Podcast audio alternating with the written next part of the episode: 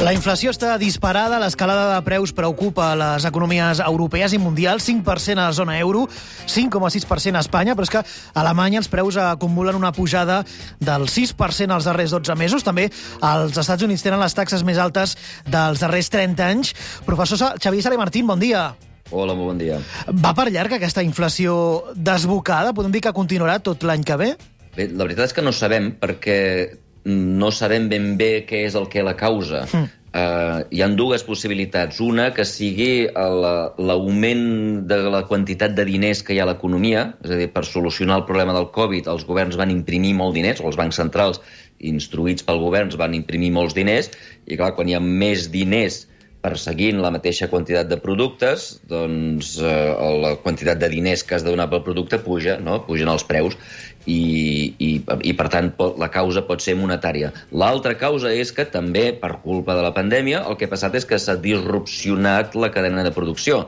Eh, quan tanca el port de Xangai, doncs els productes no poden sortir de Xangai, els barcos es queden aturats, si s'aturen, doncs llavors no arriben a temps a la següent parada, que és que és, eh, va ser Taiwan, i després no arriben a Los Angeles, i després no arriben a Nova York, i com que hi ha una reducció en la quantitat de producció, perquè, eh, diguem, s'aturen eh, a diferents ports, per exemple, ara veiem que com que no hi ha microchips que venen de Taiwan, doncs les fàbriques de cotxes a Europa estan aturades, no? Uh -huh. eh, doncs això passa a tots els sectors, en el mateix moment en què la gent ha deixat de consumir experiències, no? anar al bar, anar al restaurant, anar de viatge, i ha passat a consumir productes. Ens hem comprat, doncs, jo que sé, teles per veure Netflix durant 8 hores durant la pandèmia, ens hem comprat ordinadors per poder treballar al mateix temps que els fills van, fan els deures a l'escola, ens hem comprat bicicletes estàtiques, etc etc doncs ha augmentat la demanda de productes, ha caigut l'oferta de productes per la pandèmia i això ha fet pujar els preus. No? Això és la, seria la segona causa. Mm. El problema és que ara mateix no sabem ben bé quina de les dues causes és. I i el problema és que la solució a les dues causes és diferent. Uh, si la causa és la disrupció de la, de la cadena de producció, això s'arreglarà sol.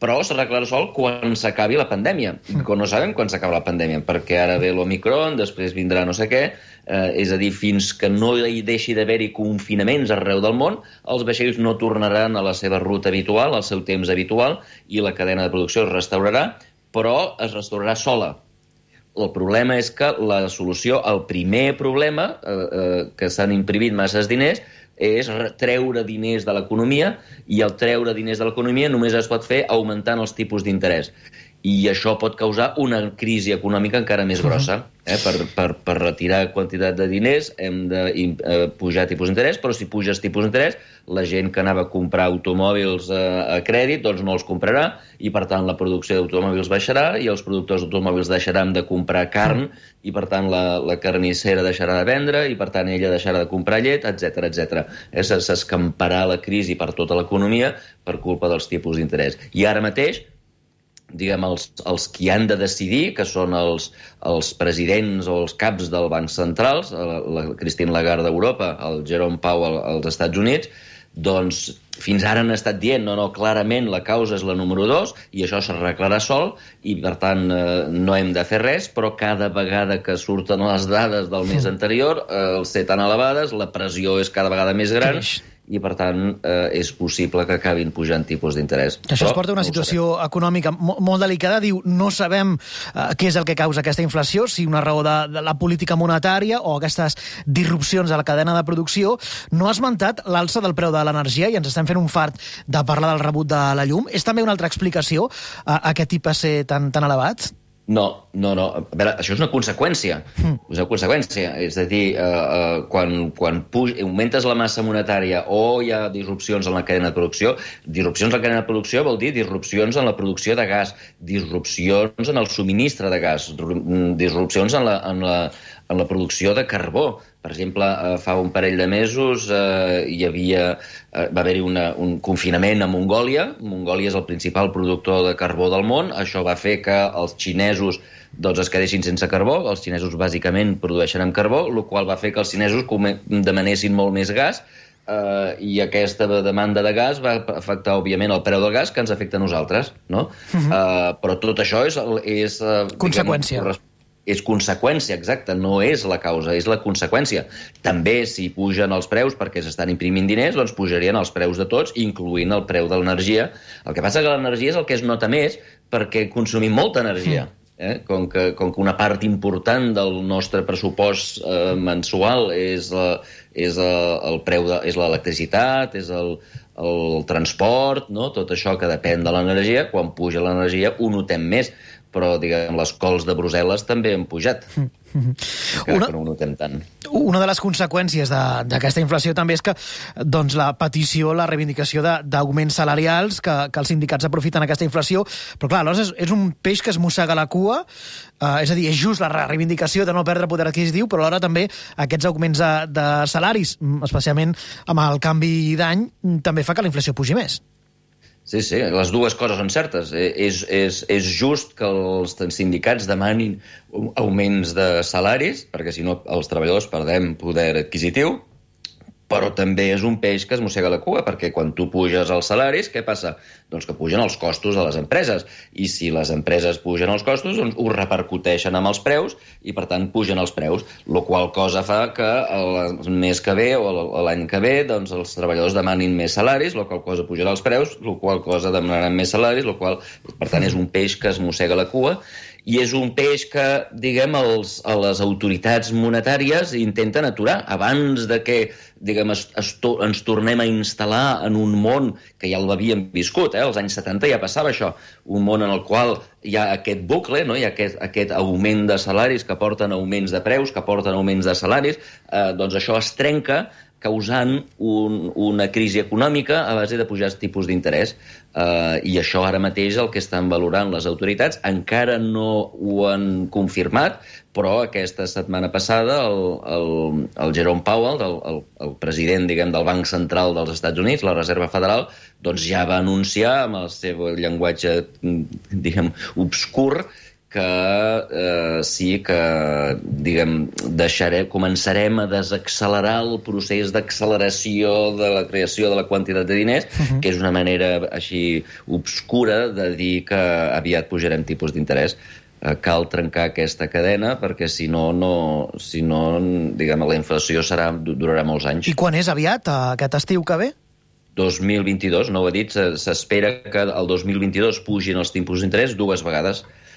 Mm, però, insisteixo, aquest, el llenguatge que fan servir sí. els banquers centrals és molt obscur, precisament perquè, clar, a la que parla aquest senyor i la gent sospita que pugen els tipus d'interès... Puja o, Barça eh, la, o baixa la borsa, no? Baixa la borsa, clar. Si -hmm. pugen els tipus d'interès, això vol dir que hi haurà una crisi, les empreses no guanyaran diners. Recorda que la borsa és un lloc on es compren paperets, que són accions que donen dret a guanyar beneficis, no? a, a, a tenir els beneficis de les empreses. Si s'espera que els beneficis baixin, doncs la gent ven aquests paperets i, per tant, baixa el preu. Mm -hmm. I això passa en el moment que el senyor aquest mm, dona a entendre que eh, pujarà tipus d'interès, la gent ja anticipa, vindrà la crisi, per tant, venem els paperets i, per tant, immediatament baixa la borsa. I, i per tant, diguem, les seves paraules eh, importen, tenen molta importància per molts inversors, mm -hmm. està tothom pendent, aviam què diu, i és per això que ell parla d'aquesta manera obscura, perquè s'entengui, però no ben bé s'entengui, no? Mm -hmm. una cosa... I per tant, sabem, sospitem que les seves paraules indiquen que pujaran els tipus d'interès, durant el 2022 i sospitem que passarà un parell de vegades, però no sabem ni quan ni la magnitud de les pujades dels tipus. I mentre la, la FED prepara el terreny per anar retirant mica en mica aquests estímuls de l'economia, què diu Christine Lagarde? Què fa el BCE? El mateix. El mateix. Uh, els dos, de moment, tenen... Uh, uh, diguem, uh, anuncien, no? les, les paraules que ells diuen és tot això ve de la disrupció, no és monetari, ve de la disrupció no i és culpa nostra. Sol. Exacte, no és culpa nostra i, per tant, tot i que ells estan imprimint diners i han imprimit molts diners, eh? tant Europa com als Estats Units han, han intentat sortir de la crisi del Covid a base de donar calés. Els americans feien, diguem, creaven diners i el donaven directament als ciutadans, eh? amb uns xecs perquè poguessin sobreviure durant la pandèmia. Els europeus no ho han fet així, però sí que han donat els diners en els governs perquè poguessin eh, gastar els diners diguem, eh, per ajudar empreses, els països que ajudaven a les empreses, o per, o per, o per comprar respiradors, el que fos, eh, però en qualsevol cas els dos han imprimit diners, els diners aquests estan en circulació, però diuen que la causa no és aquesta, sinó l'altra, que també és, és, és possible, diguem, no ho sabem, que no, no hi ha manera de veure quina de les dues causes és. I, per tant, els dos tenen el mateix, de moment, el mateix discurs, que és això és culpa de la disrupció, eh, cal esperar. El problema és que els dos tenen una pressió, cada vegada que surten les dades, doncs tots els diaris, tots els experts, tothom diu esteu bojos, no deixeu que es faci aquesta aquesta cadena de, de, de pujades de salaris, salaris preus, salaris preus, perquè la que ens instal·lem aquí serà difícil d'aturar-ho, mm. eh, per tant cal aturar-ho ja, i, i la pressió és grossa. Eh, mm, diguem, de moment, cap dels dos està pujant tipus i els dos estan mirant des de fora.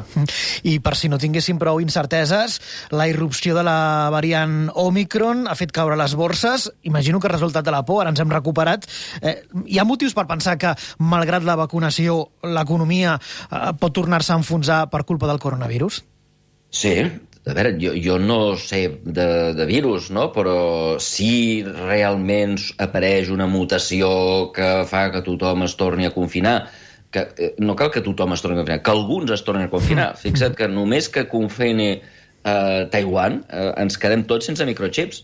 Si, si es confina Taiwan o Corea, que són els dos, dos grans productors mundials de, de microchips, automàticament la planta de Martorell d'automòbils ha de tancar eh, perquè necessiten 200 o 300 o 500, no sé quants, microchips per fer un sol cotxe. Si no hi ha aquesta peça, no hi ha cotxes.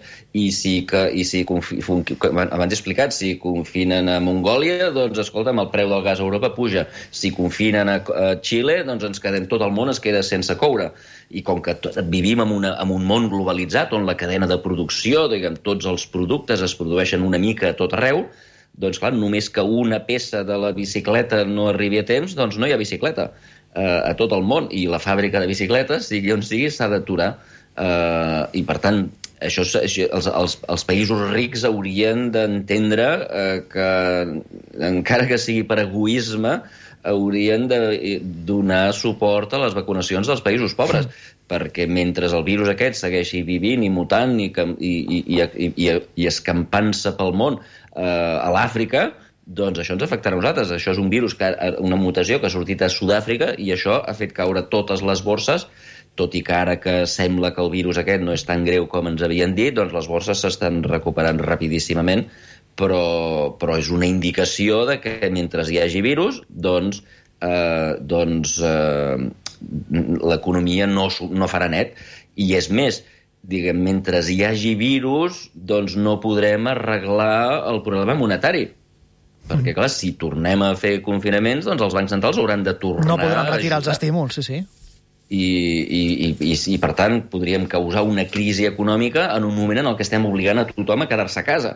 I, i clar, això seria, seria catastròfic. Per tant, és fonamental, fonamental, fonamental acabar amb el virus d'una vegada i això vol dir doncs, que els països rics han de començar a posar-se les piles, a ajudar els països pobres a vacunar-se. Mentre ells no estiguin vacunats, el virus seguirà vivint, es seguirà mutant i correm el risc de que una d'aquestes mutacions mmm, doncs salti la barrera de les vacunes, que sembla que Omicron no ho ha fet, però que faci que les vacunes siguin inútils i si les vacunes són inútils, escolta, tornem a començar. Tornem a mm. l'any 2020 a buscar una vacuna, a esperar, a esperar confinats a que algú trobi la vacuna, a tornar a produir 7.000, 15.000 milions de, de dosis de, per tornar a vacunar a tothom, tornant a fer les cues, i tot això seran mesos i mesos i mesos de crisi econòmica. Uh -huh. uh, per tant, jo crec que és urgent que ajudem els països pobres d'una vegada a que es vacunin. Aquesta vacunació de ser global o el malson continuarà. Professor Xavier Sali Martín, gràcies com sempre per l'informe econòmic al matí de Catalunya Ràdio. Bon dia. Bon dia.